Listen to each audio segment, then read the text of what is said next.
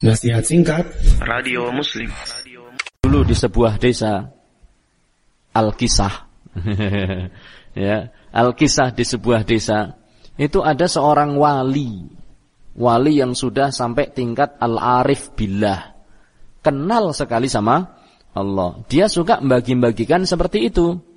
Jimat ya Batu Pisau Cincin Dan yang lainnya. Dan Para pengikutnya meyakini khodam yang ada di dalam benda-benda itu adalah khodam dari kalangan malaikat. Subhanallah. Sejak kapan malaikat tunduk kepada manusia untuk dimasukkan ke dalam batu, ke dalam keris. Malaikat itu yang nyuruh siapa?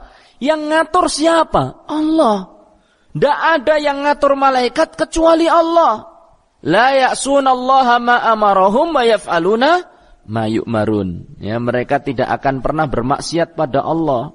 Apalagi kalau masuk ke cincin, jadi kesaktian, jelas itu adalah maksiat kepada Allah. Tidak mungkin mereka mau. Ya, dan mereka senantiasa melakukan apa yang diperintahkan Allah. Bukan diperintahkan yang lainnya.